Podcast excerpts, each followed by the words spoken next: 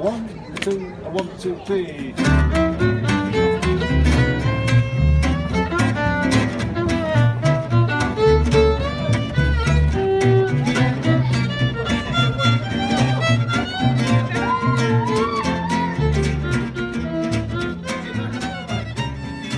ברוכים הבאים לטנקינג, פודקאסט הכדורסל של תופעת דורפן.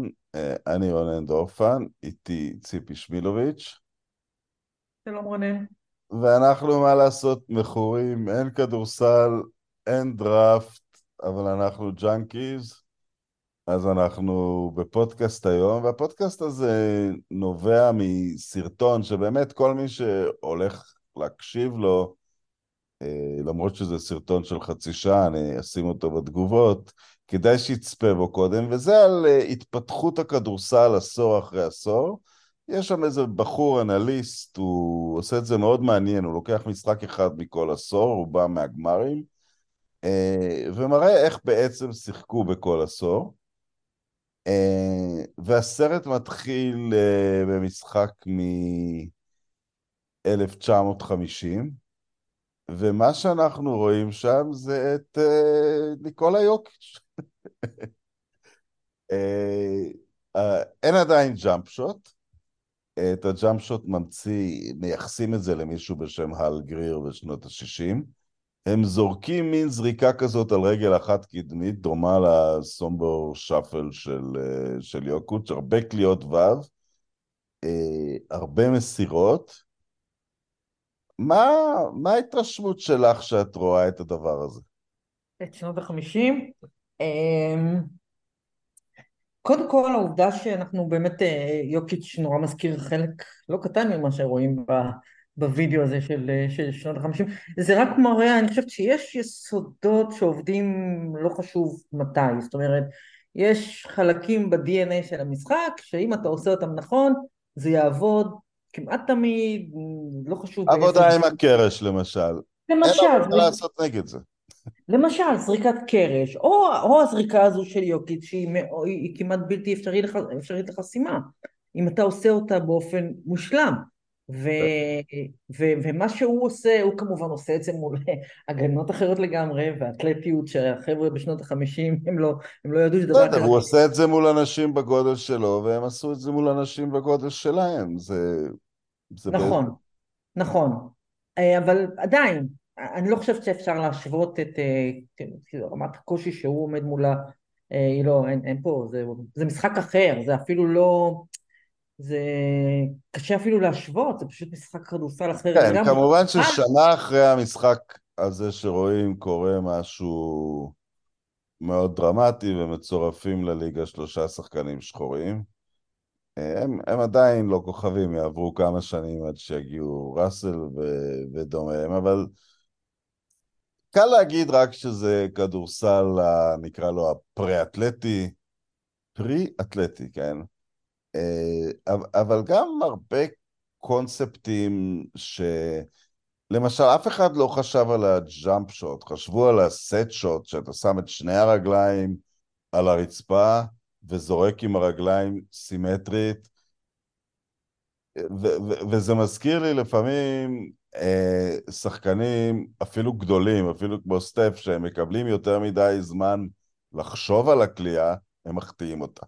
אפילו סטף, לפעמים מחטיא דווקא שלושה פתוחה ש- שיש לו הרבה זמן, כי, כי כל ההבנה שאם אומרים שהמוח שלנו מחולק לאינטואיטיבי ולרציונלי, הזריקה באה מהאינטואיטיבי, והמחשבה הזאת שתייצב את הגוף ותזרוק סימטרי ותקלע, לעומת כליאה אינטואיטיבית כזאת, והוא מראה שבכל המשחק הזה שצופים היה רק משהו, זריקה אחת דומה ל... לג'אמפ שוט, ולמרות שאין גבוהים ואין הרבה הפרעה בהגנה, אחוז הכלייה בכל שנות ה-40 עומד על אזור, בכל שנות ה-50 עומד על מתחת ל-40 אחוז, בגלל שלא תפסו את הדבר הזה. כן, זה גם בגלל שהם אה, באמת, באמת היה להם יותר מדי זמן, כי אף אחד לא שמר עליהם, אבל, זה, אבל אני חושבת שזה גם בגלל ש... אה, בסוף זה הרבה עניין של טכניקה ו- ו- והצורה שבה אתה לומד לזרוק לסל, כן ג'אמפ שוט, לא ג'אמפ שוט, זה פשוט תקופה שהיא חיתולים, זה ממש ממש baby NBA והמון דברים, אתה יודע, כמו כל תינוק, המון המון דברים הם לא יודעים לעשות, או שהם לא עושים מספיק טוב, או שהם אה, הולכים כמה צעדים ונופלים, זה ממש ככה. אה, מצד שני יש בזה, שוב, כמו תינוק, יש בזה קסם אמיתי ותמימות אמיתית, זאת אומרת הצורה שבה הם שיחקו כדורסל הייתה פשוט כה נאיבית, אה, והיו להם, אה, למשל, אה, אה, הוא מדבר שם על, על הרבה, על משהו שפשוט לגמרי שכחתי ממנו, על הימים שבהם לא היה שעון, לא 24, לא 30, לא 50. לא, אבל אם את זוכרת, זה היה במכללות עד, עד סוף שנות... עד שלב נורא מאוחר, כן. כן, כן. הגמר לא, בין לא, לארי לא. ברד למג'יק ג'ונסון הוא עדיין בלי שעון זריקות. היה חוק אמורפי שקיים בכדוריד נדמה לי כיום, למרות שגם עברו לשעון זריקות, אבל היה קיים. אה, שאתה חייב להראות איזושהי נכונות התקפית. כן. אבל זה לא הפריע לווילנובה לקחת את אליפות המכללות נגד פטריק יואינג, שהם קולים תשע מעשר במחצית השנייה ומנהלים התקפות של שלוש דקות. כן, אני חושבת שבשלב מסוים זה נהיה שעון של 45 שניות במכללות. כן, ואז... אז, אז היה איזה, אבל, אבל אצל החבר'ה האלה באמת בשנות 50 אתה רואה שיש להם דקות מלאות והם לא, שוב זה חלק באמת מהתמימות, הם, הם רוב הזמן לא, לא ראית אותם מנצלים את זה, לא ראית אותם מבזים את זה בכוונה כדרך ל, ל, להשיג יתרון שהוא כזה בלתי ספורטיבי. אמ, כל, כל הדבר הזה שאתה מסתכל על המשחקים האלה מה-50's זה הכל נורא נורא נורא תמים ונורא חמוד ונורא יפה. אבל אני אגיד לך משהו בהקשר הזה, מי שזכה באליפות ה-NBA הראשונה כמאמן, אדי גוטליב, משלנו, כמו שהשם שלו מחשיד, הוא הרבה שנים ניהל את הקבוצה היהודית האגדית של פילדלפיה, פילדלפיה ספאס, סאוף פילדלפיה היברו יוניון, ולקח את כל השחקנים הטובים שלו משם לקבוצת ה-NBA הראשונה שלו, שהייתה פילדלפיה ווריורס, היום הם, אה, היום הם גולדן סטייט. אה, אבל הוא גם מכר כרטיסים, אה, פרס רוקי השנה נקרא על שמו, הוא גם מכר כרטיסים ברחובות, הוא גם ברגע שנכנסה הטלוויזיה היה בוחר עבור הליגה מה ישודר, והוא אמר, שמעו, אפשר לשחק בונקר, אבל אנחנו צריכים למכור כרטיסים.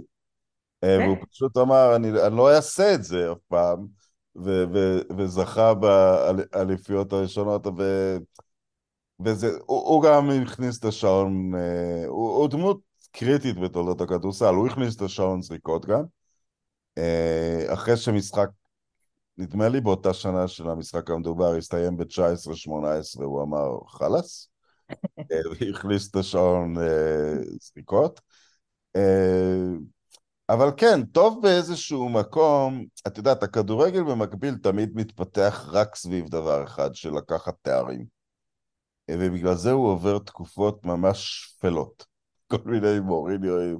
הוא עובר תקופות, יש לו תקופות נפלאות, אני חושב עכשיו זו תקופה כזאת, ויש בו תקופות, מונדיאל 90, מוריניו, גרנדה אינטר, שאני לא ראיתי שהמשחק פשוט נתקע, כי מישהו חשב על איך לתקוע אותו.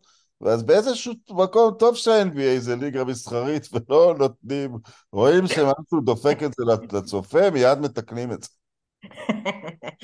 אבל ה-NBA, אני חושבת, אני לא מבינה מספיק בהיסטוריה של הכדורגל כדי לעשות השוואות. אני כן יודעת שנגיד פלא זו קפיצה עצומה ממשחק מסוג אחד למשחק מסוג אחר. אבל ב-NBA, כשאתה רואה, עוד שוב, כשאתה רואה באמת וידאו כזה, לפי עשורים, אתה רואה התקדמות שיש בה, בה היגיון, אתה רואה איזו התקדמות הגיונית, מתודית, בהתפתחות של המשחק, וזה נורא יפה. זאת אומרת, זה לא משהו שקרה בגלל שבא פתאום מישהו ו... אתה יודע, אתה, אתה יכול להסתכל על דוקטור ג'יי ולהגיד, אוקיי, הוא הקפיץ את המשחק למקום אחר, אבל הקרקע כבר הייתה מוכנה, זאת אומרת, העלייה הייתה כזו איטית, והשינויים הם נורא... מה שנקרא אינקרמנטליים, אבל, אבל הם, הם, הם make sense, הם הגיוניים, ואתה רואה את המשחק של היום ואתה משווה אותה למשחק של ה-50's, יש המון דברים שאתה יכול, אתה יכול לזהות את המשחק, אתה יכול לזהות את שני המשחקים, אתה יכול לזהות את הכדורסל. ו, וזה יפה, ואני לא מדברת אפילו על יוקיץ' כי זה, כי זה באמת חד קרן, אין עוד אחד כזה היום שמשחק כדורסל שמזכיר לך את ה-50 אבל ביעילות של 2023. אה, אבל אה, דברים כמו באמת, דיברנו קצת, אה, לפני שהתחלנו דיברנו על איך שהם מוסרים, על איך שהם היו מוסרים ב-50's. אתה יודע, אתה מסתכל, לוקח 50 שנה קדימה, גולדן סטייט בשיאם היו מתנהלים ככה, סן אנטוניו בשיאם שיחקו ככה. זאת אומרת, המשחק התפתח באופן שיש בו היגיון אמיתי, מעבר לצרכים המסחריים. זה מעביר אותי, ל... נקפוץ הלאה לש... לשנות ה-60, שהיו כמובן בשליטה של כדורסלן אחד, אה, ביל ראסל. שליטה מוחלטת, ו... ודרך... בעצם הוא שולט במשחק דרך ההגנה, ושהוא מנהל את ההתקפה אה, מההייפוסט. קצת מאכזב מה שרואים שם. אתה... אתה... בגלל שתמיד הכרנו עדיין את רד אורבך כשהוא ניהל את הקבוצה תחתיו קייסי ג'ונס ובוסטון הגדולה ששיחקה כדורסל כמעט חף מטעויות. אה, זה לא היה כל כך המצב בשנות ה-60, אבל אני אגיד משהו על, ה... על, על, על השליטה של הסלטיקס. אה, בוב בריין, העיתונאי שכיסה אותם שנים, אמר, רד אורבך הגיע לעיר מוושינגטון, שם הוא גדל, עם שבעה תרגילים וכמה אופציות. והוא עזב עם שבעה תרגילים וכמה אופציות. הוא לא פיתח, הוא אמר, אני ביל ראסל, חבר'ה, זה מזכיר לי קצת את אלכס פרגוסון.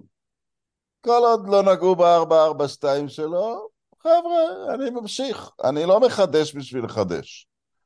כן. וזה גם מה שאתה רואה ב...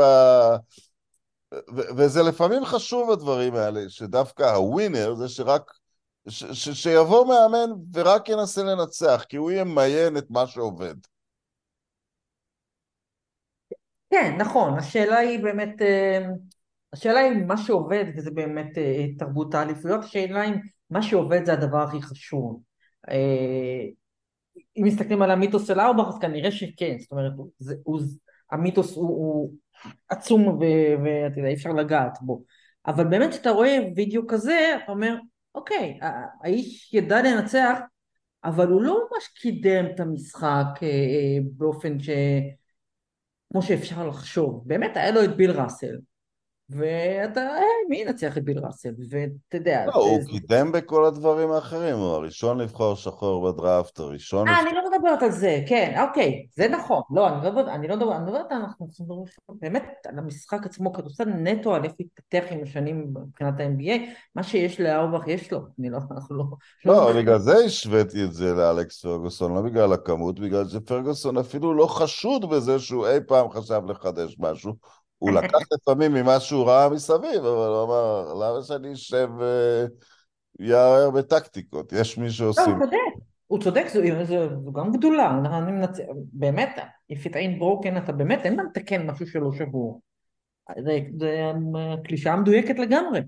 אבל אני חושבת שבמבט לאחור, נגיד, אם אני שמה מול אה, ארבך את אה, ג'רי באס, אז אני לא חושב שאפשר להשוות בין איך ה vision שלו ללייקרס אה, מול ה vision של אה, אוארבך לסלטיקס, אני לא חושב שאפשר להשוות בין הקדמה שכל אחד מהם נתן למשחק עצמו. ואז זה כן באמת, אני מסכימה שמשהו ב sixties זה היה קצת מאכזב, כי אתה שם מוציא את ראסל, נגיד, מתי קרים יצא מהקולג' זה היה כזה די, אתה מוציא לא, את... 69 הוא לא היה... כן, זה, זה היה כבר הסוף, כן. אתה מוציא את ראסל, ולא לא היה הרבה בתקופה הזו. את לא אוסקר רוברטסון אני לא ראיתי נכון.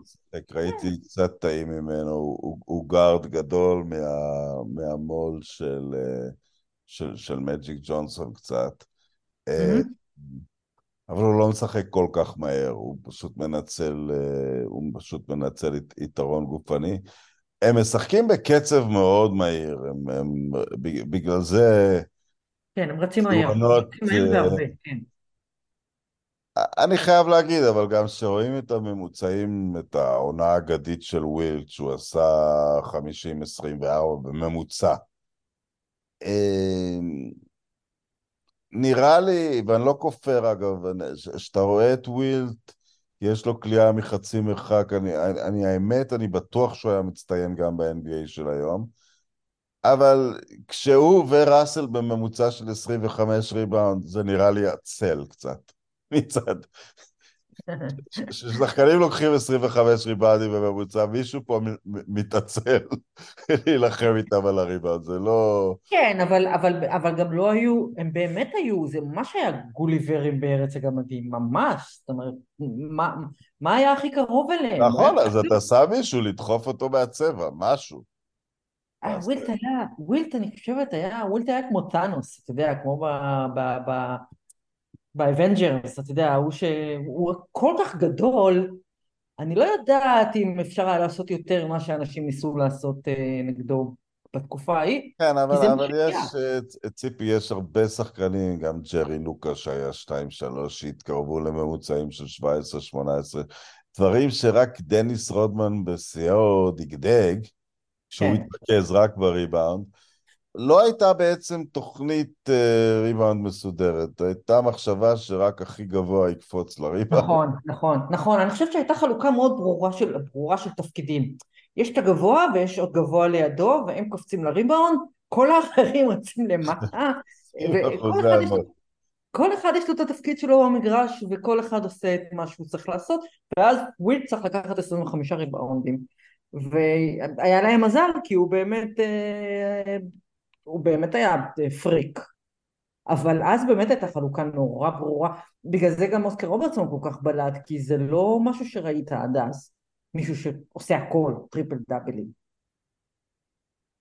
כן, ואני גם חושב שיש פה איזשהו אלמנט שהשחקנים עדיין מגיעים ברובם ממכללות אה, לבנות לגמרי, השחקנים השחורים האלה לא עוברים, אני לא יודע, אוסקר רוברטסון היה בסינסנטי גם בקולג', ביל ראסל שיחק ב University of San Francisco, אני חושב שלפני שנתיים הם חזרו לטורניר לראשונה מאז הוא, כן?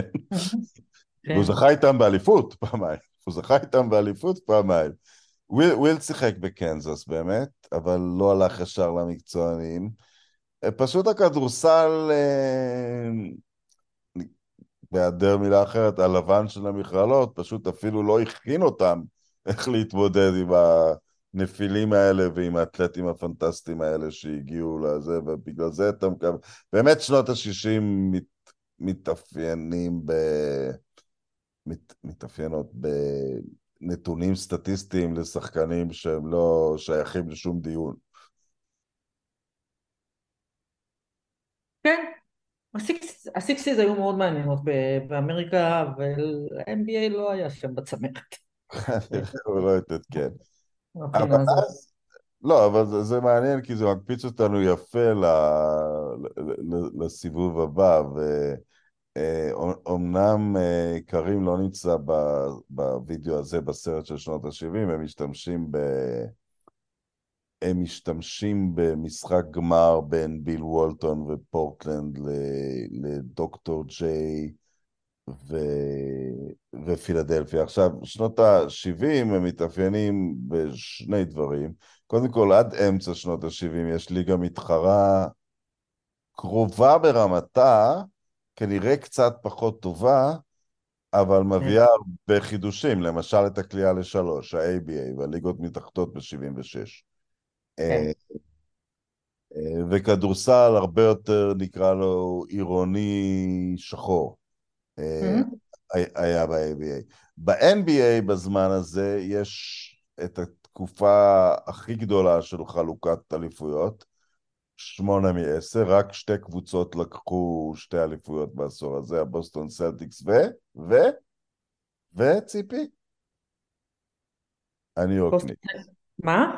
הניו יורק ניקס. הניקס, כן. הניקס הובילו את שנות ה-70 באליפויות יחד עם הסלטיקס. כן? היה כן. לכם משכור משהו. עשינו שם, עשינו שם שכונה. אתם אה, חיים על הסוד עד היום. מאז לא, לא זה, אבל כמו שתמיד היו אומרים בשיקגו על הקאפ, זה שיש לנו מאה גרועה לא אומר שאנחנו קבוצה לא טובה. אבל אה, כן, אבל דווקא בתוך הגיוון הזה, שאולי קצת מזכיר את היום, דיברנו על זה כמה פעמים בפודקאסטים, על כמה הכוכבים היום שונים אחד מהשני. קיבלת קרים, קיבלת מוזס מלון, קיבלת וולטון, קיבלת דוקטור ג'יי, דברים מאוד מאוד שונים, והמשחק משתנה לגמרי מבחינה אתלטית. לגמרי, לגמרי. לגמרי, ה-70 זה באמת רגע מפני, אבל גם כן, זה, זה גם בגלל, בדיוק מה שאמרת עכשיו, בגלל שפתאום יש גיוון, ופתאום יש שחקנים שהם, כל אחד מהם נראה אחרת, משחק אחרת, אה, יש לו סגנון אחר, יש לו נקודות חזקות, הוא מביא משהו אחר למשחק, וברגע שנהיה מין כור היתוך כזה, אז באמת גם המשחק הופך להיות משהו אה, אחר, זאת פשוט מוטציה, ש... אגב, בתקופה שנחשבת תקופת חושך מבחינה מסחרית, ואחרי זה מדברים על זה. שלארי כן. ומג'יק באים ומצילים את הליגה, כי לא. מטפלים בבעיות כמו סמים ולא מטפלים... לא כן, מטפלים נכון, בבעיות. נכון, כן, נכון. זה, זה, זה היה עשור שהוא באמת עשור... אה, אה, אה, ווטרשד, אתה יודע, עשור כזה של אה, שינוי מכל הבחינות, גם המשחק עצמו, המשחק עצמו השתנה, אבל הוא, הוא השתנה כשהוא מוקף בהרבה חרא, ו, ואנשים לא רצו לראות את זה, זאת אומרת, הם, כל מה שקראת בעיתונים, או קיבלת במהדורות חדשות, זה סיפורים על, על, על, על הסמים ועל ה... אה, והשחקני NBA מנופפים אקדחים אחד לשני. אה, זה הייתה פשוט תקופה מחורבנת, אף אחד, אני זוכרת שהיה אה, ש... אחרי, באיזה שנה מילווקי לקחו אליפות? באיזה שנה זה היה? הם לקחו ב-72. אוקיי, אז בעונה שאחרי... לא, סליחה, שתיים, לא, שתיים אני חושב. אוקיי, אז בעונה שאחרי, לא... משחק הפתיחה שלהם לא שודר בטלוויזיה, כי, כי לא היה רייטינג, משחק הפתיחה של האלופה לא שודר בשום מקום, כי, כי לא היה רייטינג, כי אף אחד לא רצה לראות את זה. אז אה, מג'יק ולארי בירד הם הצילו את הליגה לא רק בגלל היותם באמת אה, אה, שחקנים אתה יודע, מי, אין, אין, לא צריך פה להסביר מה זה מג'יק ולארי בירד, אבל גם בגלל שהם אה, באו לדייוויד סטרן בזמן, והוא יכול היה לשחק שחור נגד לבן, וכל הדברים האלה. אבל גם בגלל שהם הביאו אה, אה, אה, גישה אחרת, ו, והם שינו את, ה, שינו את הליגה מבחינת יחסי ציבור, אבל המשחק עצמו, אה, הרגע המפנה שלו הוא ב-70's, לא ב-80's. כן, ואני חושב, את יודעת, בין כל ה... קודם כל, באמת צובט בלב שרואים את זה, שהקריירה של ביל וולטון הושמדה בגלל פציעות. כן, כן. כי, כי שחקן עצום קורא את ההגנה בצורה גאונית. כן, ממש יוקית של חדפת. ממש יוקית. באמת, אה, באמת הוא לא... הוא, הוא, אם מישהו חשב שזה הדרה של שחקן לבן או משהו, זה, זה, זה, זה יוקיץ', זה יוקיץ' גם כן. אבל אה, אה, בסופו של דבר, וזה ידוע, מי שהכי השפיע על הליגה זה, זה דוקטור ג'יי, הוא הבלופרינט לכוכב להרבה מאוד זמן, הוא בטח mm-hmm. הבלופרינט למייקל ג'ורדן. אה, למרות שבשנות, הש... אתה יודע, הוא, את יודעת, הוא לא ממש מנצח, הוא מנצח בשנות ה-80 אליפות אחת כשמביאים לידו את מוזס מלון, אבל הוא, הוא, הוא כל כך, אה, ו, וזה נדיר אגב שבלי לנצח אתה מביא שינוי גדול למשחק, ובטח בלי להיות מנצח סדרתי. אה, נכון, נכון. אבל זה פשוט כבש את תראה, אם את זוכרת את הכתבות של אה, מנחם לס, הוא תמיד כתב על כל מיני כוכבים עירוניים בניו יורק, קוני הוקונס וארל מניגולד, שעשו את כל הדברים שדוקטור ג'יי עשה קודם, אז, אז, אז זה היה קיים איפשהו, אה, אבל אף אחד לא רצה את זה. נכון, נכון. כן, עלית פה על נקודה, יפה מאוד רונן, עלית פה על נקודה מעניינת.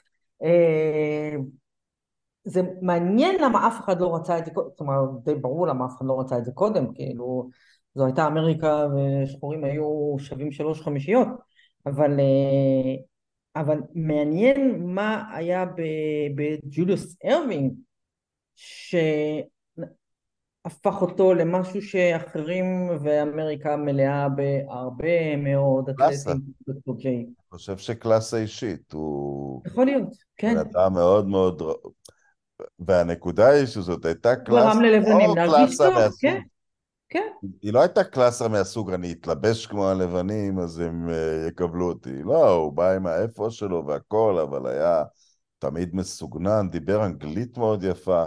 אגב, כן. הוא, לא, הוא לא עלה ממש מעוני, הוא גדל בלונג איילנד במין משהו, מעמד בינוני כזה, אבל uh, הוא, הוא הפסיק להפחיד את האנשים, אני חושב. כן, כן, אני חושבת שברגע שהם, אה, אמריקה ראתה שחקן שהוא גם נותן לה את הבידור שהיא רוצה.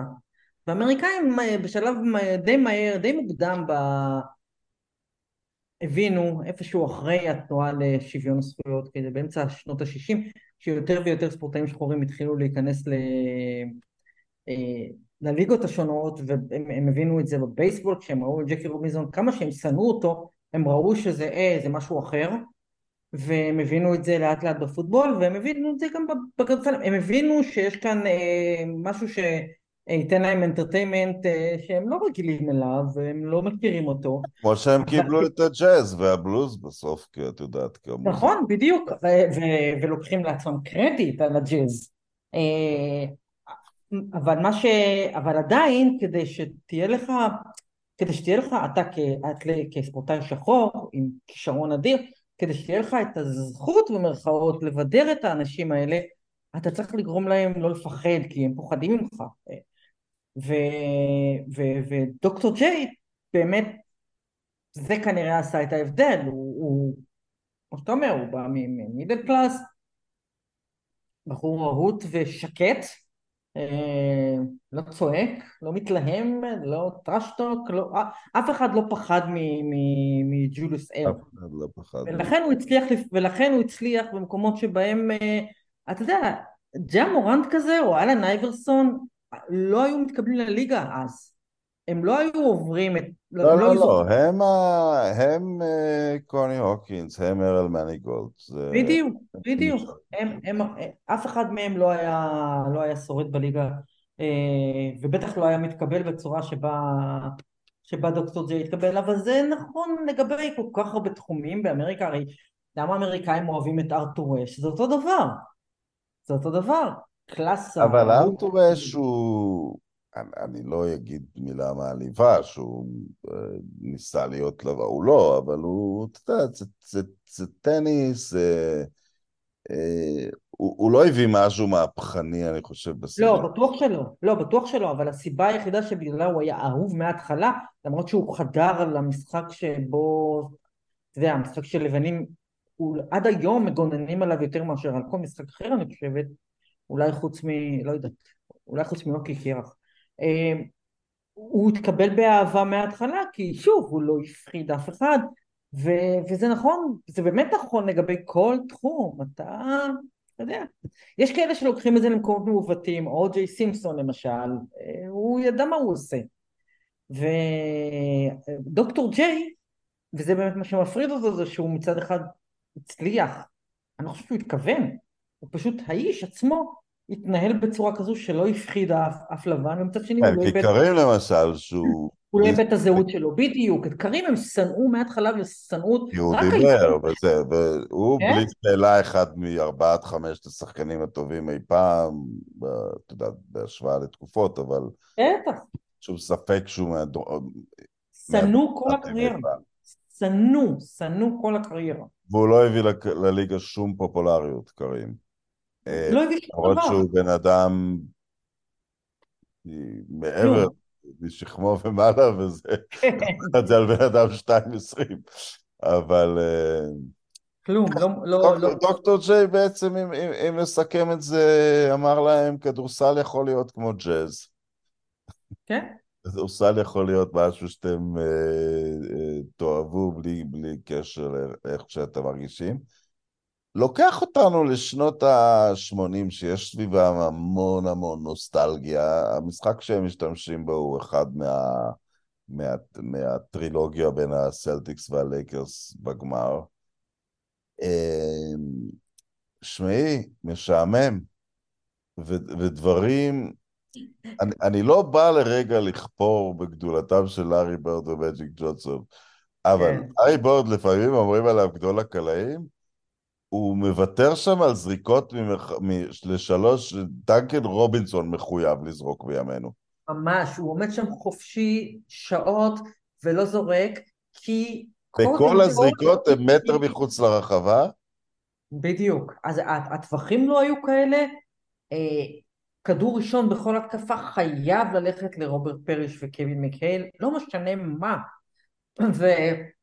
הם, הם מראים שם, הוא מראה שם אה, אה, התקפות שלמות שבהם נגיד מג'יק עומד עם, אה, בצד של קרים, הם משחקים כזה two man game וזהו, וכל היתר עומדים בצד ומסתכלים ומחכים לראות מה יקרה, האם קרים יעשה את ה hook shot שלו, או האם יבוא ה double ים ואז הוא יוציא למג'יק והוא יזרוק, נורא משעמם. אני חושבת, אנחנו, יש לנו את, את, את, את מיתוס ה showtime של הלייקרס, ואני חושבת שהוא היה נכון כשהם רצו, שהם באמת יצאו ל fast break ים זה משהו שלא ראית כן. הוא לא עוסק בזה בווידאו, אבל האיש הגדול ששולט בכדור זה שינוי מאוד מאוד משמעותי, אחרי מג'יק בא כנראה קריס וובר ו... כולם באו אחרי מג'יק, כולם באו אחרי מג'יק. כן, אה, או... כל, מי ש, כל מי שתגיד שהיום, ש, שעושה את הדברים האלה היום, אה, על הדרך, סקוטי פיפן, כולם... לא, הוא האבא הרוחני של לברון אין גם. בכלל אה, זה, מג'יק הוא, הוא, מג'יק הוא, הוא, הוא הר רשמו, הוא, מש, הוא ממשני המשחק הגדולים. אבל הלייקרס, המיתוס הזה של השואו טיים, הוא נבנה, הוא בנוי אך ורק על, על באמת על מג'יק, על, על ההברקה שלו, על ה vision שלו, על היכולת שלו להוביל התקפות מתפרצות. אבל כשהמשחק נעמד בין הלייקרס לסלטיקס, זה שעמום. קווין מקייל, זה צריך לאסור על הדבר הזה. זה כל כך משעמם, אתה יודע מה הולך לקרות. אה, אפס סיפורים. כי, קרים, לפחות בריבם של ה skyhook, הוא יפה.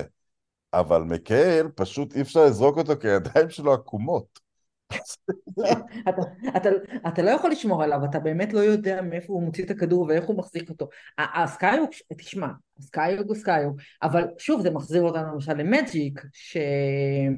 כשהיה צריך אז הוא פיתח לעצמו את ה baby hook shot הזה שאיתו הוא לקח אליפויות. אז, אז הוא, מג'יק הוא באמת game אה, changer אה, מסיבי והסדרה הזו אתה, אתה רואה אותה וזה למרות שהוא לא נוגע בכלל בצד של, אה, של ה showtime של הלייקרס. אבל אה, כיוון שכל העשור הזה זה שתי הקבוצות האלה רק עד כזה עד לקראת הסוף אז אז זה שתי אלה, וזו יריבות. צריך לציין ש... שתקרת השכר נכנסה לדעתי ב-86 או 87, ולפני זה הלייקרס שילמו בערך פי ארבע מכל קבוצה במערב, והסלטיקס בערך פי שתיים מכל קבוצה במזרח, לכן המזרח כן, כן. קצת יותר שוויוני. אז בעצם יש לך ריכוז כישרון שכנראה חוזר על עצמו רק בגמר השלישי בין גולדן סטייט לקליבלנד, ששיחקו בו כנראה שבעה Hall of Fame ים, למרות שאני אמחה על זה שקיירי ever ייבחר, אבל הוא ייבחר, כי אף אחד לא יקשיב לי. אה, אבל זה, זאת, זה גמר שמשחקים בו כמה Hall of Famer ים, השלישייה הגדולה של אז, לפחות שישה, אבל לדעתי יותר. לא, יותר, כי ביל וולטון משחק, אז זה שבעה. אז יש ארבעה כן, בצד של הסלטיקס, ודניס ג'ונסון גם נכנס ל Hall of Fame. יש בערך תשעה עשרה Hall of Famer ים ב... אה, אני חושב ששתי החמישיות זה Hall of Famer ים, פלוס מינוס. אה, אולי דני איינג' לא ב Hall of Fame, אני לא חושב. אולי ביירון סקוט לא. ביירון סקוט גם לא.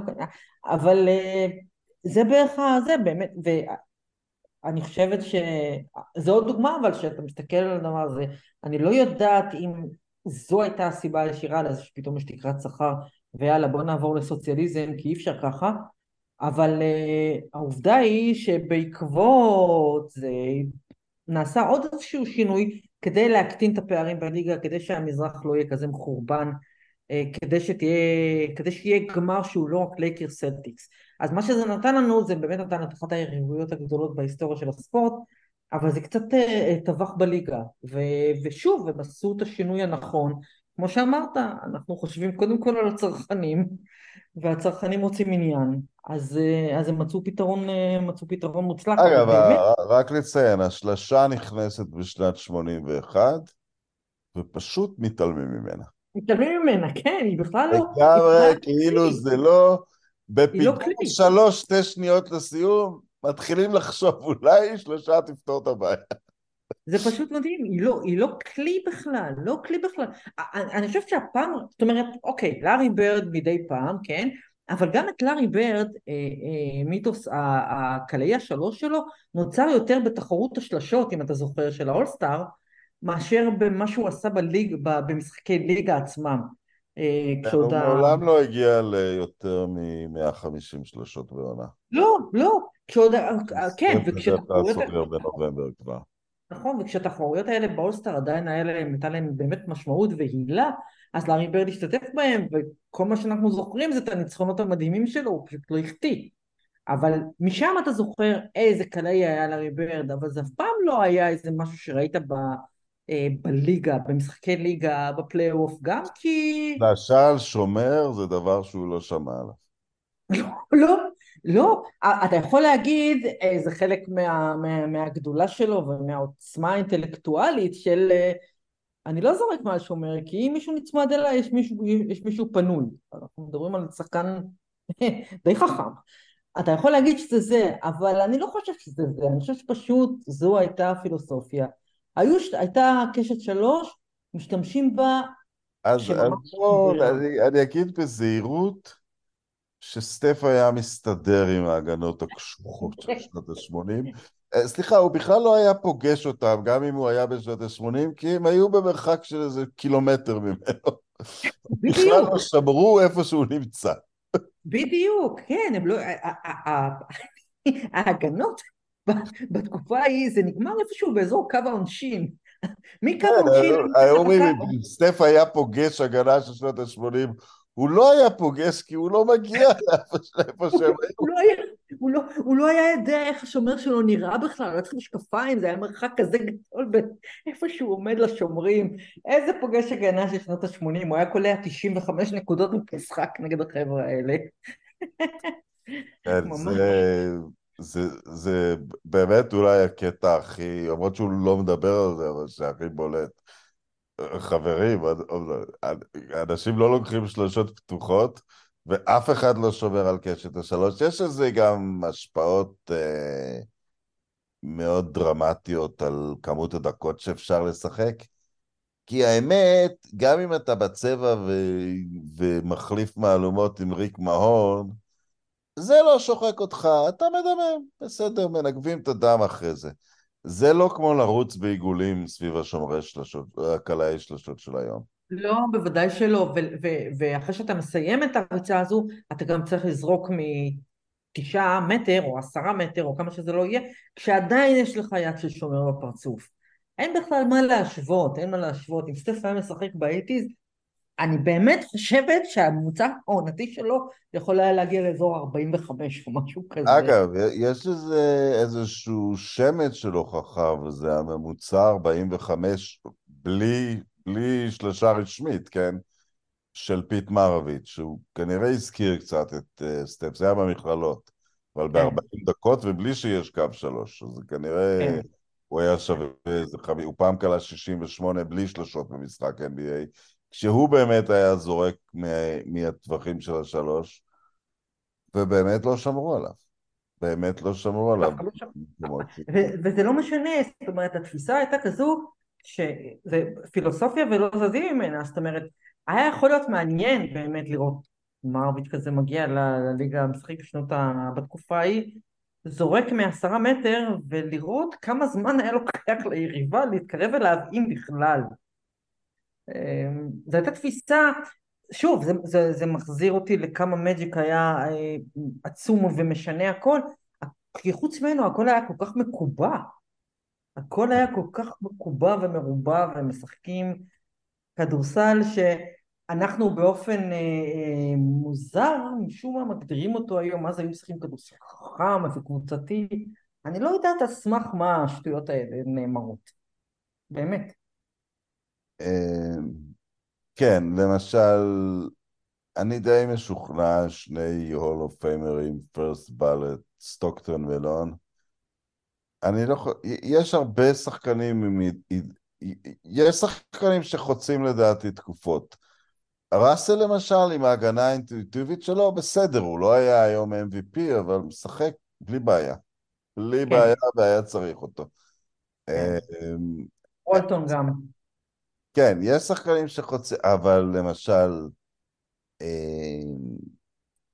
ברקלי, זה לא ישים היום, ואנחנו רואים את זה בזיין ריצ'רדסון, שלא שיחק אפילו, אה, וויליאמסון, שלא שיחק אפילו במחצית מהמשחקים שלו עד היום. אי אפשר לסחוב את הדבר הזה ב, כן. ב, בליגה של היום.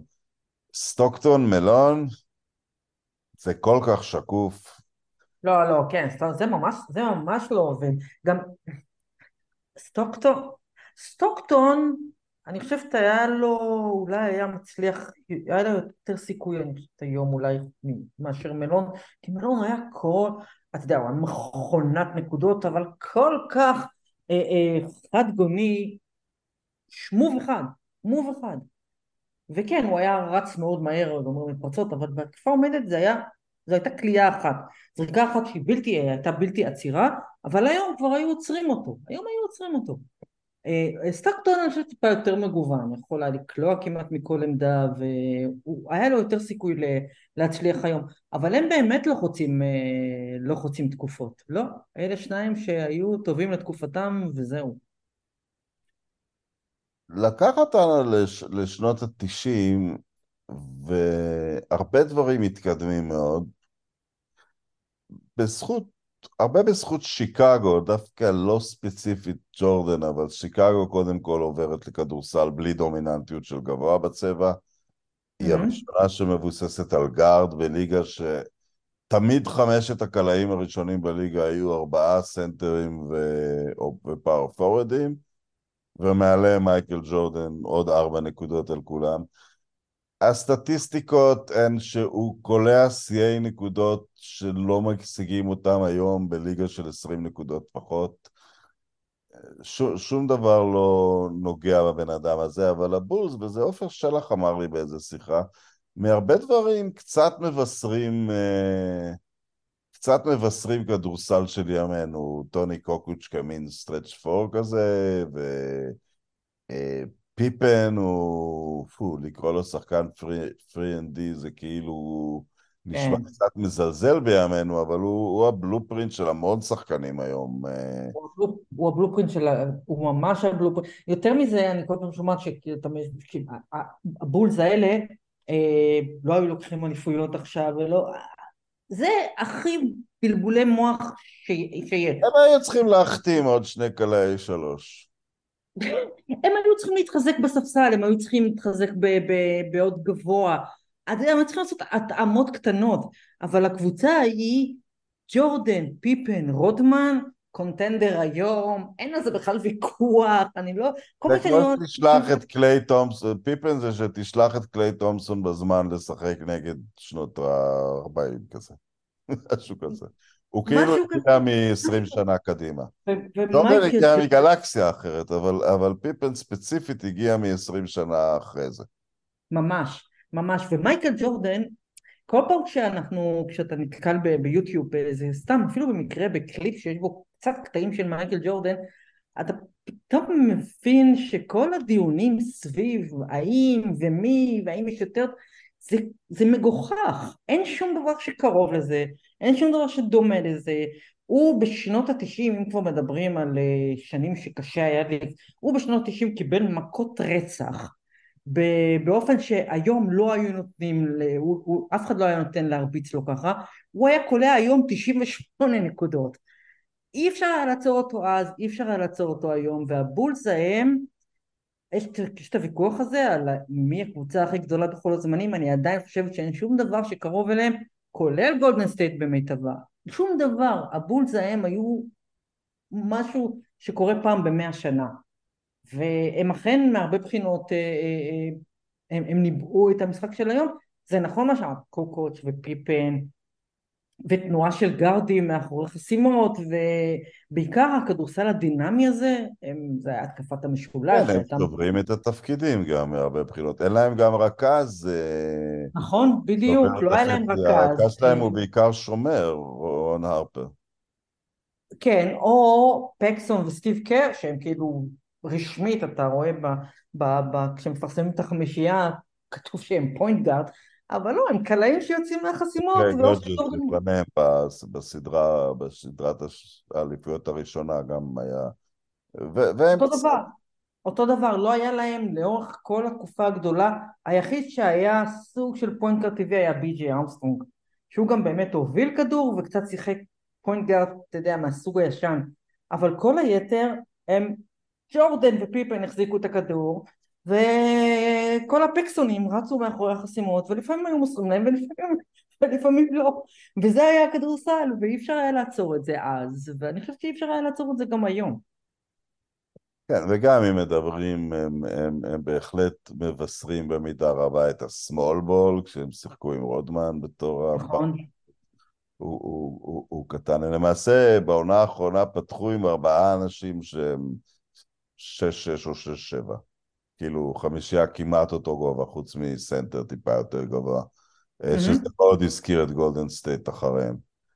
נכון, אה, והגבוה שהיה להם הוא גם כן, הוא היה שם בשביל, אתה יודע, וונינגטון ולונגלי, זאת אומרת זה היה כדי אה, לשים גוף גדול מתחת לסל, זה הכל. עכשיו, מתחילים לראות שלשות, הליגה מנסה בכוח, את זוכרת? קירבו את קו השלוש באמצע שנות התשעים לשנתיים ואז הרחיקו אותו. נכון. ואז עלו שחקנים כמו דני סקוט ובטח רג'ר מילר וכלו קצת יותר, אבל עדיין אה, הייתה סרבנות שלוש נקודות גדולה מאוד, הליגה פשוט לא... פשוט חטאה את הדבר הזה איזה שלושים שנה. זה חלק, מה... זה חלק מתפיסת האולד סקול של כדורסל, מה פתאום שלוש נקודות לסל? אני חושבת שאנשים הרגישו אה, איזשהו... אה, זה לא מכובד. גם אה, היום אנשים, את רואה לפעמים בדיוני מדרך חברתית, סבורים שזה קרקס.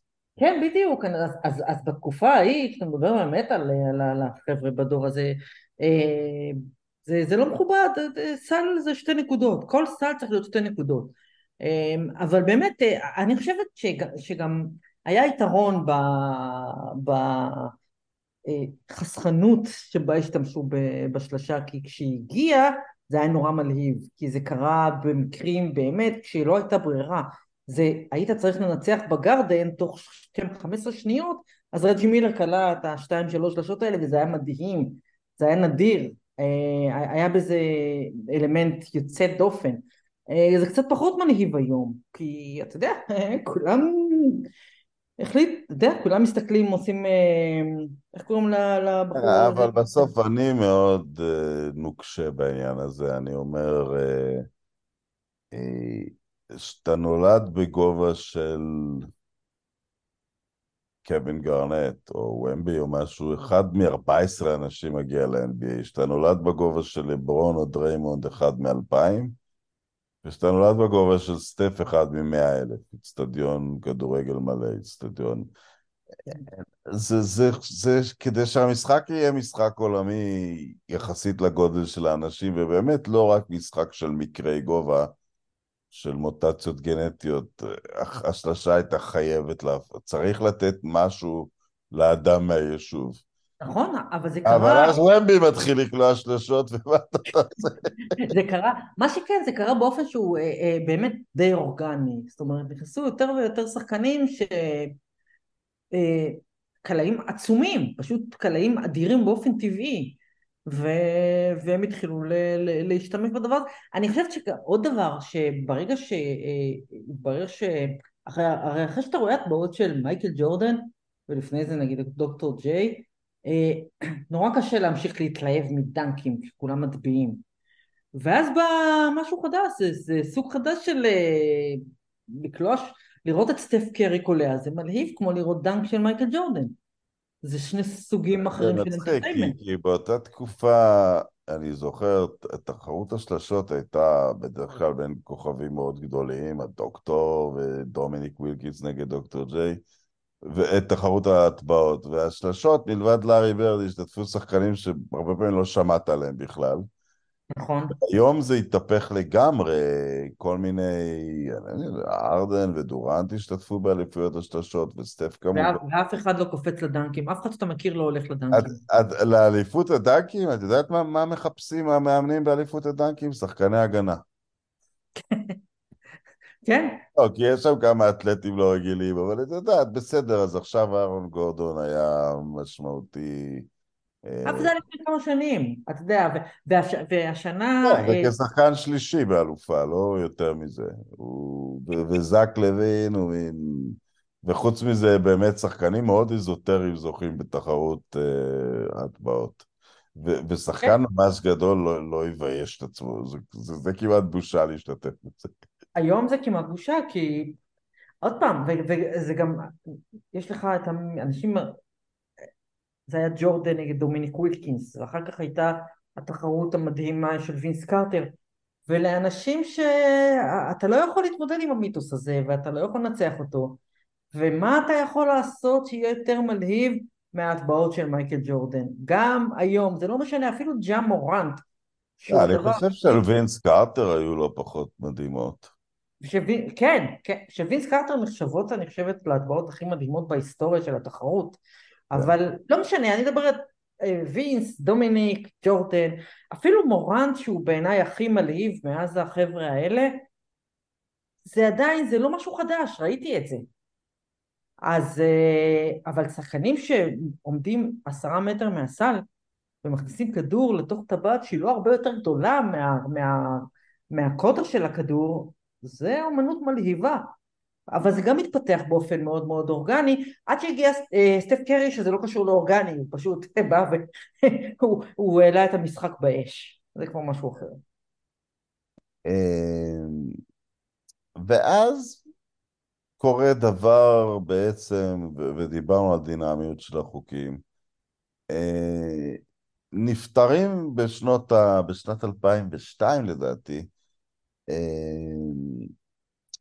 מעבירים חוקים, כשהם עברו, מכרו לנו אותם כחוקי אנטי שק, כי הלייקרס היו אחרי שלוש אליפויות רצופות עם שק, והשינוי העיקרי היה הפסקת האיסור על אזורית, זאת אומרת אפשר לעשות דאבל טים על שחקן בלי הכדור, ובמקום זה הכניסו שלוש שניות אה, הגנתי, אבל, בסו... אבל בדיעבד, אנחנו 21 שנים אחרי זה, ואני זוכר את עצמי עדיין כותב על הדבר הזה. אה, איך זה נועד לעצור את שקיל אוניל, זה, זה היה משהו... רוד פורן, שהיה סגן הקומישיונר, אני חושב שהוא הגה את זה. אה, זה, רמת השינוי היא כזאת, אם תסתכלו על הקלעים המובילים בליגה, על 50 הקלעים המובילים, כדי לקבל תמונה סטטיסטית מלאה, עד שינוי החוקים האלה, 35 מהם הם בדרך כלל בכל עונה פאור פורדים וסנטרים, היום 35 מהם הם עד, עד uh, small forward, כאילו שחקנים uh, נמוכים. אה, יש קצת שינוי היום, נעלם הגבוה האמריקאי לגמרי, נעלם הסנטר המוגבל באופן כללי. כן, כן, אין מקום. כמובן שגובה זה יתרון, אז שהגבוהים חוזרים, וזה עניין של חמש-שש השנים, בהתחלה זה מוחק את הגבוהים. יש קצת את דווייט האווארד, והוא הזדקן כל כך רע, אני לא חושב שיש שחקן שהזדקן כל כך רע בתולדות הליגה, וכל הגבוהים האחרים התחילו להשליך כדורים אה, אה, מרחוק. עכשיו חזרו הסנטרים, אבל חזרו כשהם יודעים לשחק. בגדול אמרו לסנטרים, תלכו, תחזרו שאתם יודעים לשחק. אז עכשיו חזרו אמביד ויוקיץ'. אה, כן, אין, מקום, אין היום מקום בליגה לשחקנים חבר'ה, לוק ווילינגטון לא יכול לשחק יותר, אין, אין מקום לחבר'ה האלה היום. היום השחקן ה-12, 13, 14 בכל קבוצה צריך להיות לו רמה, הוא, הוא צריך להיות נורא נורא נורא מוכשר והוא צריך לדעת לעשות הרבה דברים. זו אגב אחת הסיבות שיש למשל עלייה חדה ברמה של אה, אה, אמריקאים שמגיעים לאירופה. כי יש כל כך הרבה שחקנים אמריקאים טובים שאין להם מקום ב-NBA. כי כמה שהם טובים הם עדיין לא מספיק טובים בשביל 400 מקומות עבודה שיש בליגה הזו, והם מגיעים לאירופה, ובאירופה מעולם לא היה מקבץ של שחקני חיזוק אמריקאים כל כך טובים כמו שיש בשנים האחרונות. אנשים נפלטים, זה קצת כמו מה שקורה בניו יורק, אתה לא יכול להרשות לעצמך לגור במנהטן, אז אתה עובר לקווינס. ו- וזה בדיוק מה שקורה כאן, וזה משהו שלא היה אפילו, אפילו בניינטיז, בניינטיז היו המון, אה, איך קראנו להם? נגרים בליגה, המון. המון. המון. ו- ו- והיום אין, אין אחד כזה, אין שחקן אחד בליגה שלא יכול להקפיץ כדור כמו שצריך, שאין לו זריקה כמו שצריך לסל, שהוא לא יודע לנוע, לרוץ, אה, כולם יכולים לזרוק שלשות, כולם זורקים שלשות. אז אה, זה פשוט עולם אחר לגמרי, אין לך מקום ל, ל, אם אתה לא גבוה. אה, זה, אבל אם אני חוזרת רגע, החוק הזה נגד שקיל למשל, הוא, הוא, הוא נקודת אה, שפל, הוא היה פשוט מביש, מביש. האיש, זה, יש לו, זה היתרון שלו, ואתה לא יכול באופן מלאכותי לקחת את זה ממנו, מה זה צריך להיות? זה היה באמת, באמת דבר... אה, את חושבת אבל שזאת הייתה הסיבה לחוק? אלף אחוז. אלף אחוז היה ניסיון, הייתה תקופה ששקיל זה היה, אתה זוכר את זה? הוא היה, הוא היה שובר לוחות. אי אפשר היה, אי, בלתי עציר. גם היום אני מנסה לדרג את, את הסנטרים היסטורית. אני לא יודעת, אני, אני תשים את ווילט מול שקיל, אני לא יודעת מה היה יותר מפלצתי ויותר בלתי עציר. אני, לא אני, אני נגמלתי מלדבר על מי שלא ראיתי. נכון. אבל שקיל, אנחנו רואים... קצת את מוזס מלון, הוא שחקן מאוד מעניין, וגם עם כוח גופני. נכון, אבל הוא עדיין לא שקיל. שקיל רץ את המגרש כמו מטורף. שקיל זה היה באמת אה, אה, אה, מוטציה של מוטציה, והם ניסו לעצור אותו. יאניס באותו משחק שש, הוא סוגר על האליפות, היה מאוד שקיל. בדיוק, בדיוק. יאניס זה שקיל אה, אה, אתלטי. אוקיי, מתוחכם, יאני זה שקיל אה, AI. זאת כן. אומרת, לא 2-0 זה 3-0, אבל זה לגמרי נולד מתוך שקיל, לגמרי. ההבדל הוא שנגיד שקיל היה יכול פעם ב-20 משחקים לקחת כדור, להקפיץ, ל... לרוץ את כל המגרש ולשבור את החישוק, ויאניס עושה את זה חמש פעמים במשחק. זה, זה ההבדל. אבל יאניס לגמרי נולד מתוך שקיל, לגמרי. אני לא יודע אם... אה, את יודעת, אז החוק התפרש כנגד שקיל אוניל, ויכול להיות שהוא גם הסיבה לחוק, אבל... אבל... אלף אחוז הוא היה הסיבה לחוק, אחרת לא, היה, לא, לא הייתה שום סיבה אחרת להעלות את החוק הזה בכלל. אלף אחוז הייתה הסיבה. נכון, אבל לא, אין, אין הצדקה מבחינת כדורסל להגנה בלתי חוקית. אין הצדקה, יש, יש הצדקה לשלוש שניות ההגנתית. כן, לא, לא, אין הצדקה. לא, מה פתאום?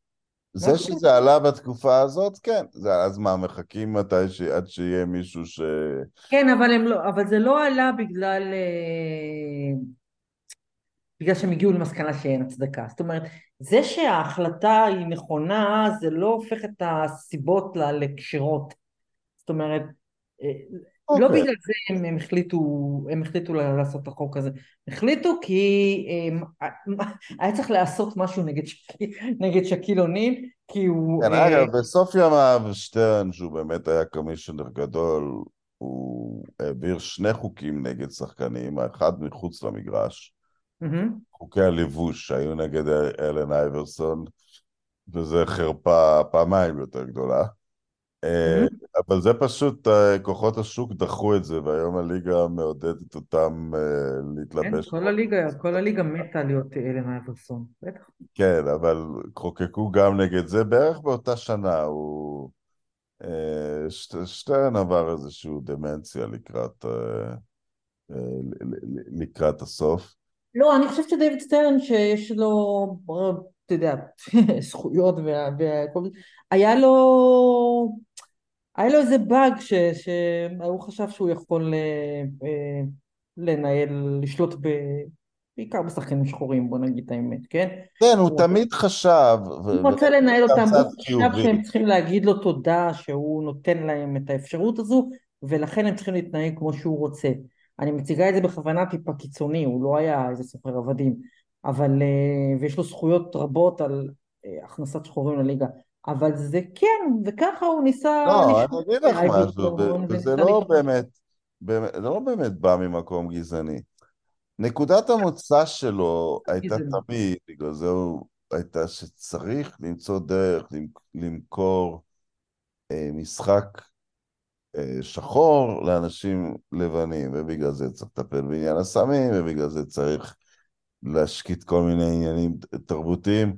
מה שהוא קצת לא, לא קלט, שבגלל, הרבה בגלל ההוא משיקגו, שכחתי את השם שלו, השוטינגארד שהיה שם, זה פשוט הפך להיות מגניב, להיות עם מכנסיים ארוכות, ולמרות, את יודעת, כן, כן. בזכות אייברסון. הוא פשוט לא קלט כמה אייברסון אהוב וכבר לא מפחיד את האנשים, וכבר חצי מהילדים הלבנים מתלבשים כמוהו. כן, נכון, אבל הוא, הוא חשב ש...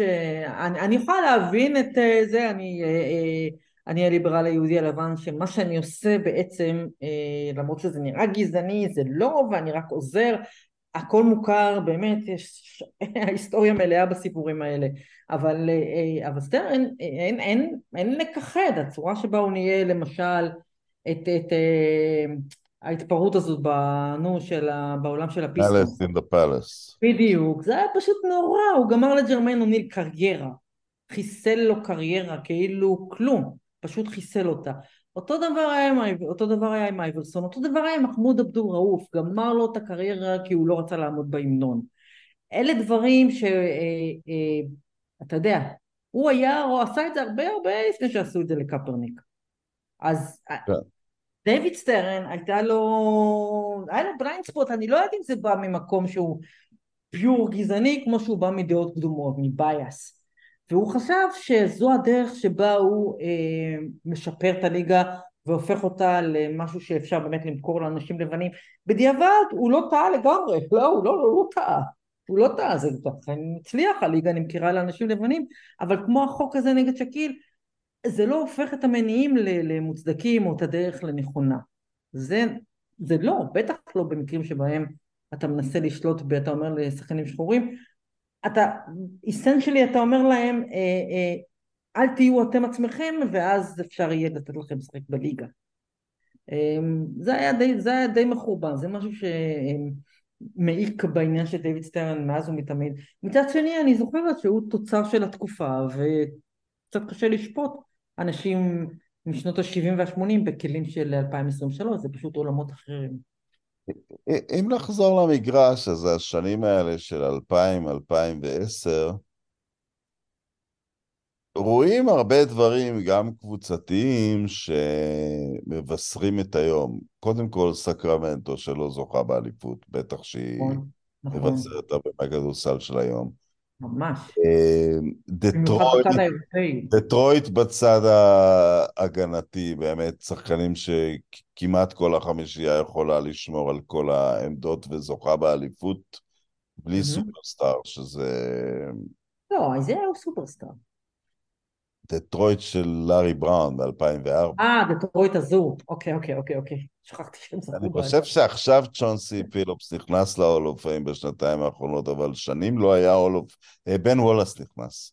כן, כן, שנים לא, לא לא. היה Hall of Famer מ- מאלופה, אפילו אחד. שכחתי לג- שכחתי לגמרי שדטרויט לקחו אליפות כן, מתישהו. אבל, אבל הכדורסל שלהם מעניין, ואז, אה, ואז יש את הכדורסל של, אה, של נאש אה, ו- ו- ומייק דנטוני, שאני די מתעב את הדברים האלה, אבל מתחילים כל מיני, לדעתי זה עשור חלש יחסית בכדורסל, עשור שבו באמת שחקן כמו קובי בריינט, שבעיניי הוא טיפה overrated, אה, זוהר כמו שהוא, שהוא זוהר קצת בגלל אה, אה, תחרות חלשה יותר, מהמם, נכון, אני מסכימה. אבל, אבל הרבה דבר, פשוט רואים, אם, זה, זה קורה תמיד שיש שינוי דרמטי.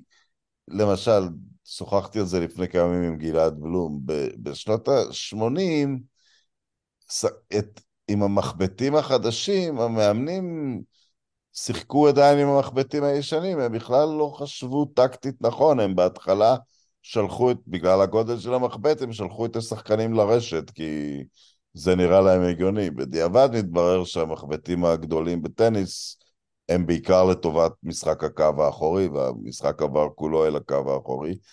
אז שוב, היה פה, היה פה ממש ליגה שקצת אה, מחפשת את עצמה עם כל מיני ניסיונות.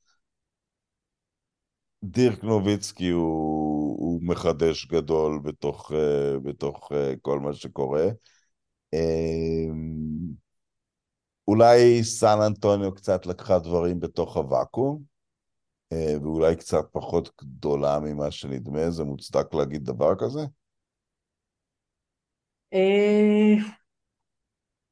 אני יודעת, זה לגיטימי אני חושבת, אבל אפשר להגיד את זה תמיד. נראה לי, אתה יודע, זה כמו שנלך לחזרה לאייטיז ונגיד אוקיי, היו רק הסלטיקס והלייקרס, אז האם הן לא כאלה גדולות? הם שיחקו רק אחת נגד השנייה, לא היה להם יריבות. אז uh, אני חושבת שסן אנטוניו הייתה... קודם טוב, כל... אני אגיד משהו, כי אני ממש גדול אוהדי דנקן, ואני החזקתי בדעה... לפני, לפני כמה שנים לברון עבר אותו אצלי כשחקן הכי גדול מעל ג'ורדן, אבל אני לא... ואולי גם סטף עכשיו, אבל uh, אני לא ספרתי אותו אף פעם במאבק מול קובי בריינט, הוא שחקן הרבה יותר גדול בעיניי. כן. Uh, הוא באמת, החליפו את החוקים, הוא היחיד שלא הושפע מזה מכלום. מה, החליפו את החוקים, אני אקרא אותם הבוקר, חזר. אותו שחקן.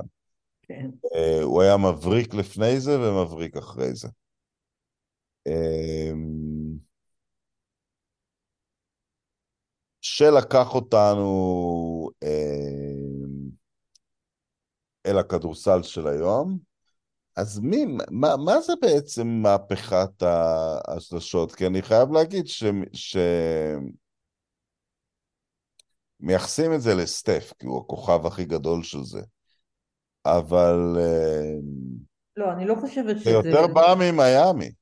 בדיוק, אני לא חושבת ש... אני לא חושבת שסטף אחראי למהפכה, הוא, אני חושבת, אחראי ל...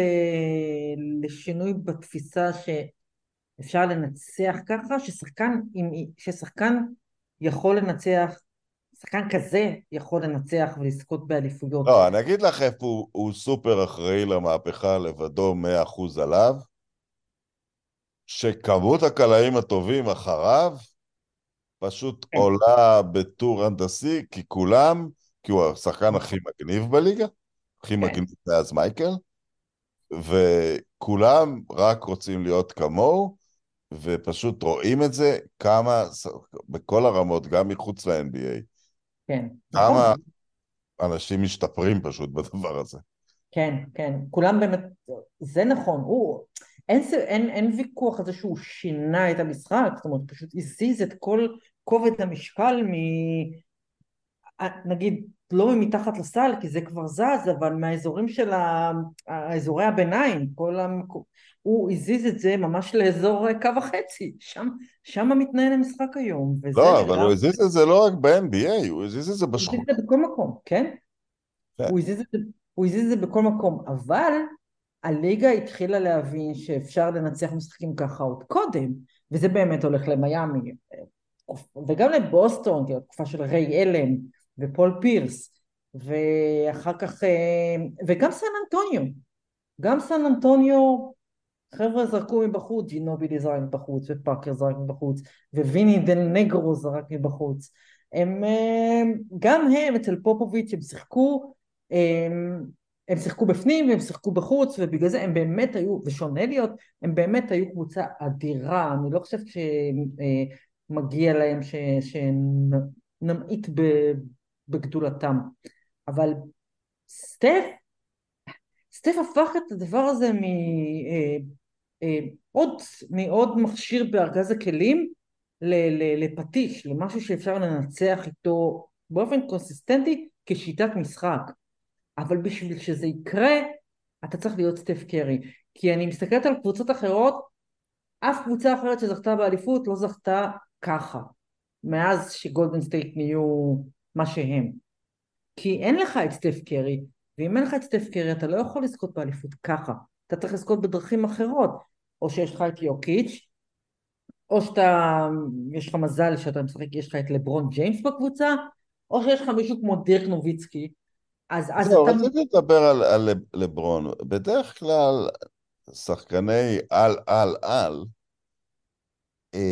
ההשפעה שלהם על הליגה היא לפעמים טיפה שלילית, כמו מייקל למשל, שיותר מדי זמן חיפשו את היורש שלו, ויותר מדי הכתירו כל כן. מיני אנשים, וקובי היחיד שקצת דגדג נכון. במשהו, אבל האם הרבה, יעשה את הליגה, האם וינס קארטר יעשה את הליגה, ורק בדיוק, כל כך הרבה קריירות, טרייסי מגריידי, פני הרדווי, כל כך הרבה אה, קריירות, גרנט היל, כל כך הרבה קריירות חוסלו רק מגובה, מגודל הציפיות על הכתפיים, אנשים קרסו.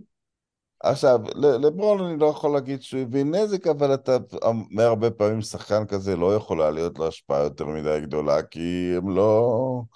הלכתי לחנות של השחקנים ולא היו עוד כן. כאלה במכירה. לא מצאתי, כן? מלבד דבר אחד, אני חושב שאם טקטית הוא השפיע על המשחק, אה, זה...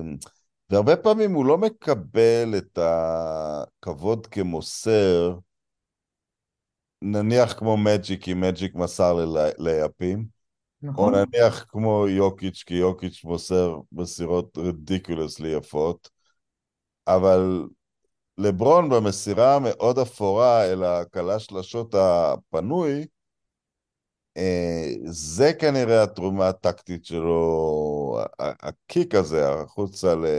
ו- ו- וזה שהוא תמיד הקיף את עצמו בקלעים, והיה הראשון להבין, אה, אה, עם זה הוא בנה את הקבוצות. אה, הר- הראשון בעצם להגיד שבכדורסל יש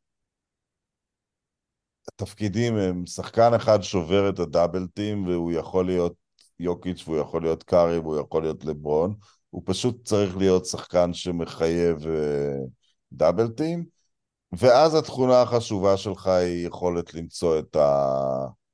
את, ה, את הקלה של השוט הפנוי, את ה-free and D, שזה כנראה התפקיד הכי נפוץ בליגה. בדיוק, בדיוק, אני חושבת שמה שלברון עשה, וזה כן שונה, זה הוא, הוא לקח את הליגה מ... את הכוכבים, אוקיי, השחקנים ב-level שלו, הוא כסופרסטאר, ואנחנו אומרים סופר סופרסטאר, כן, יש מחמשת הטובים בכל הזמנים, אני חושבת שהוא, אה, אה, יש בו, אה, הוא- הוא לגמרי, הוא כל כך לא אנוכי, ואני לא מדברת עכשיו על יוקיץ', כן? אנחנו מדברים על מישהו שאתה יודע, גדל בתרבות האמריקאית והלחץ עליו מגיל 16 היה, אה, אה, אה, אין לו דומה בכלל. והוא באופיו, בנפשו ככדורסלן, הוא כל כך לא אנוכי, הוא תמיד... לא, הוא גם המחיש בעיניי שהתכונה הכי חשובה לשחקן על, כי בכל זאת יש, יש דרגות ב- בכוכבות, והדרגה הגבוהה היא, היא לברון, קארי, יאניס, יוקיץ', אולי דונצ'יץ' יהיה שם, היא למסור. יש לך את האיום שלך, לא חשוב מהו. נכון? אה, דורנט הוא לא מוסר גדול, לכן הוא לא מוסר, הוא, הוא, לא, הוא מוסר ממש בינוני, כל המסירות שלהם כאלה כן, אובייס. קוואי בגלל הוא זה- לא מוסר גדול. עכשיו, קוואי ודורנט פעמיים MVP של הגמר, אבל כל נכון. הארבעה האלה עם קבוצה טובה מאוד, שהייתה טובה מאוד לפניהם. בדיוק, בדיוק, ואף אחד מהם, הם, הם, הם יותר סטארים, אה, אני הם מוציאים לפועל, הם מבצעים. בדיוק, ואפילו, זה מעניין כי, כי גם, אפילו כשאתה לוקח נגיד את ג'ורדן, אה, או נגיד אחר כך קובי, נגיד, מדברת על סופרסטארים שהובילו קבוצות לאליפויות, אה, שניהם לקראת סוף הקריירה פתאום, אתה יודע, ג'ורדן התחיל לאסוף טריפל דאבלים והתחיל,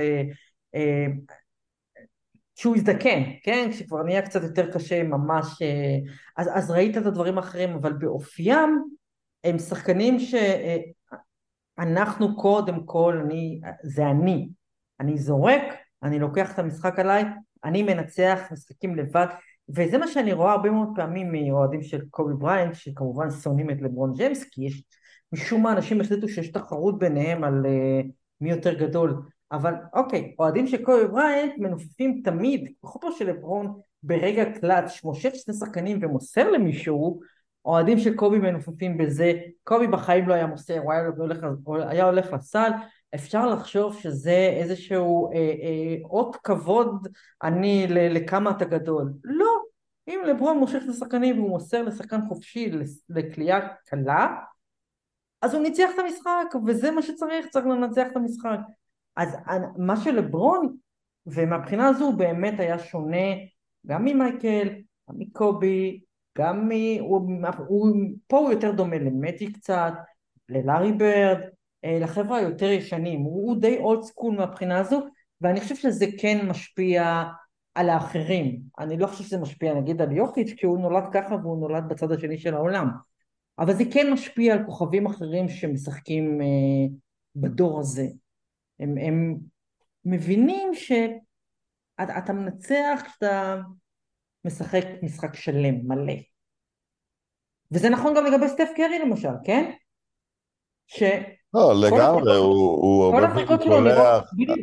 בדיוק, כל הזריקות שלו נראות קשות, אבל הן לא קשות בשבילו. אבל הוא יודע מתי זריקה קשה אפילו בשבילו, והוא תמיד ימסור במצב כזה. תמיד. נדיר מאוד לראות את סטף לוקח זריקה שאתה רואה עליו שהוא יודע שזו זריקה רעה. זה לא קורה הרבה. הוא תמיד ימסור. וזה גם... כשסטיב אה, קר לקח את הקבוצה ממרק ג'קסון, אחד העוזרים הביא לו סטטיסטיקה שגולדן סטייט מוסרת הכי מעט בליגה. לא אסיסטים, בכלל מסירות בין כולם. אה, אה, והוא החליף את השיטה והם מסרו הכי הרבה. נכון, זה הרבה פעמים חזר לסטף אחרי שזה עבר בידיים של כולם. אוקיי, זו שיטה. זה, ש... זה, זה מכניס את... זה, זה עושה הכל, זה, זה גורם לאנשים לשמור יותר בהגנה. אה, זה, זה גורם להם להיות ערניים, לא להירדם. הכדור צריך לעבור בין הידיים של כולם, ואת זה סטף מבין מצוין. הוא דווקא לא מוסר אסיסטים כזה, סופרים לו עכשיו הוקי אסיסט, אבל הוא, הוא, הוא למרות שהוא הרכז והוא הקלה הכי טוב אי פעם, תמיד הפעולה הראשונה שלו בהתקפה היא מסירה, הוא נדיר מאוד שהוא עובר את החצי וזורק. לא, לא, זה לא קורה כל כך הרבה, וגם כל הקטע הזה שסופרים אסיסטים, הרי ב-NBA אנחנו מתים על יוקיץ', כן? אבל חלק גדול מהאסיסטים שהם סופרים לו זה הוא נותן לג'מאל מאורי, ומאורי מקפיץ את הכדור עשר דקות וזורק וזה אסיסט. אז uh, הצורה שבה סופרים אסיסטים ב-NBA, אני כבר מזה, באמת מזמן לא מתייחסת אליה. Uh, ולא פחות חשוב, uh, uh, למי אתה מוסר, מתי אתה מוסר, אה, באיזה שלב של ההתקפה אתה מוסר את הכדור, ובעיקר מה עושה המסירה הזו שעשית, שמסרת. אז מספרים, אתה יודע, סטטיסטיקה ב-NBA זה... מעצבן. אני חולק קצת על העניין של יוקיץ', כי הוא יחסית כן מוסר להרבה מאוד... אה, בטח, הוא משאיר אותך להרבה מאוד לאפים, אבל יש גם המון המון אסיסטים, וזה לא רק במקרה שלו, כן? זה גם אחרים. אני חושב שאם מישהו היה מודד אחוזי קליעה מהמסירות שלך, הוא היה יוצא מאוד טוב, אבל יש אסיסטים שהם פשוט bullshit. הרדן ווסטברוק הרבה פעמים הגיעו לטריפל דאבלים. נכון. 20 בשנייה, 22, אז השחקן שמקבל הוא חייב לזרוק, אבל אם אתה עושה את זה מספיק פעמים במשחק, אז אתה מקבל עוד איזה חמישה אסיסטים כאלה, אבל... הקבוצות שלהם בשנים שהם עברו את העשרה אסיסטים היו מדורגות נמוך בליגה באסיסטים, לא גבוה. אני לא, זה פשוט, זה, זה, זה, זה בולשיט. מעט מאוד מה... אתה מסתכל על רשימת כן, מוסרי האסיסטים, אתה, אתה מסתכל נגיד על, על, על סטוקטון, כן? האסיסטים שלו היו יעילים, כן? הם השפיעו, הם היו חשובים, אסיסטים אמיתיים, אבל 80% מהם היו אותו דבר. זאת אומרת, הייתה שיטה, הוא רץ, נותן לקרמלון, הוא רץ, נותן לקרמלון, אלה היו האסיסטים. אמ, יש הבדל, האסיסטים של מג'יק ג'ונסון, כל אחד מהם היה אסיסט אמיתי. ו... ומה שסטף עושה, הרבה פעמים הוא מוסר את המסירה הראשונה, שמה... והמסירה השנייה הופכת לסל בגלל שהוא התחיל, מה שנקרא, התחיל את המהלך, זה ביטויים מהכדורגל, אבל יש לזה משמעות. והספירה היבשה, בטח בצורה שבה סופרים ב-NBA, היא לא, היא לא נחשבת בעיניי. ממש לא. בגלל זה אני גם לא... אני לא יודעת אם... אגב, גם ריבאונד, דיברנו על זה כשדיברנו על שנות ה-60, זה סטטיסטיקה קצת מזויפת, כי קבוצה בעצם מחליטה מי ייקח אצלה את הריבאונד הגנה. נכון. זה בעצם מין החלטה קבוצתית. מה שמביא אותי למסקנה קיצונית שעדיין התכונה הכי טובה בכדורסל זה היכולת לקלוע סל. אני חושבת שאנחנו, כן, אני חושבת שאחרי שאתה רואה 50 שנה של כדורסל... אתה מבין ש-put the ball in the basket, יש... לרעד, בדיוק, כמו כל דבר אחר, הגשש החיוור, יש להם, יש להם אה, אה, משפט לכל מצב בחיים, ו... אני, וגם אני. חשבתי על זה במהלך הפלייאוף האחרון. זהו. אוקיי, אז, אז אני רק אסיים בעוד קטע פרשנות אדיר של מישהו שלא היה פרשן כדורסל, ש, שנזכרתי בו אלף פעם בפלייאוף הזה. אריק איינשטיין, hustle ב defense. זה תמיד עובד. hustle ב defense. אסל, אסל בדיפנס והטרי פוינטר זה עכשיו חזק, זה עכשיו חזק בשיח ובסוף take the ball, this is the ball, this is the basket, you take the ball, you put it in סל, זהו. ציפי שמילוביץ', תודה רבה לך. תודה רוני.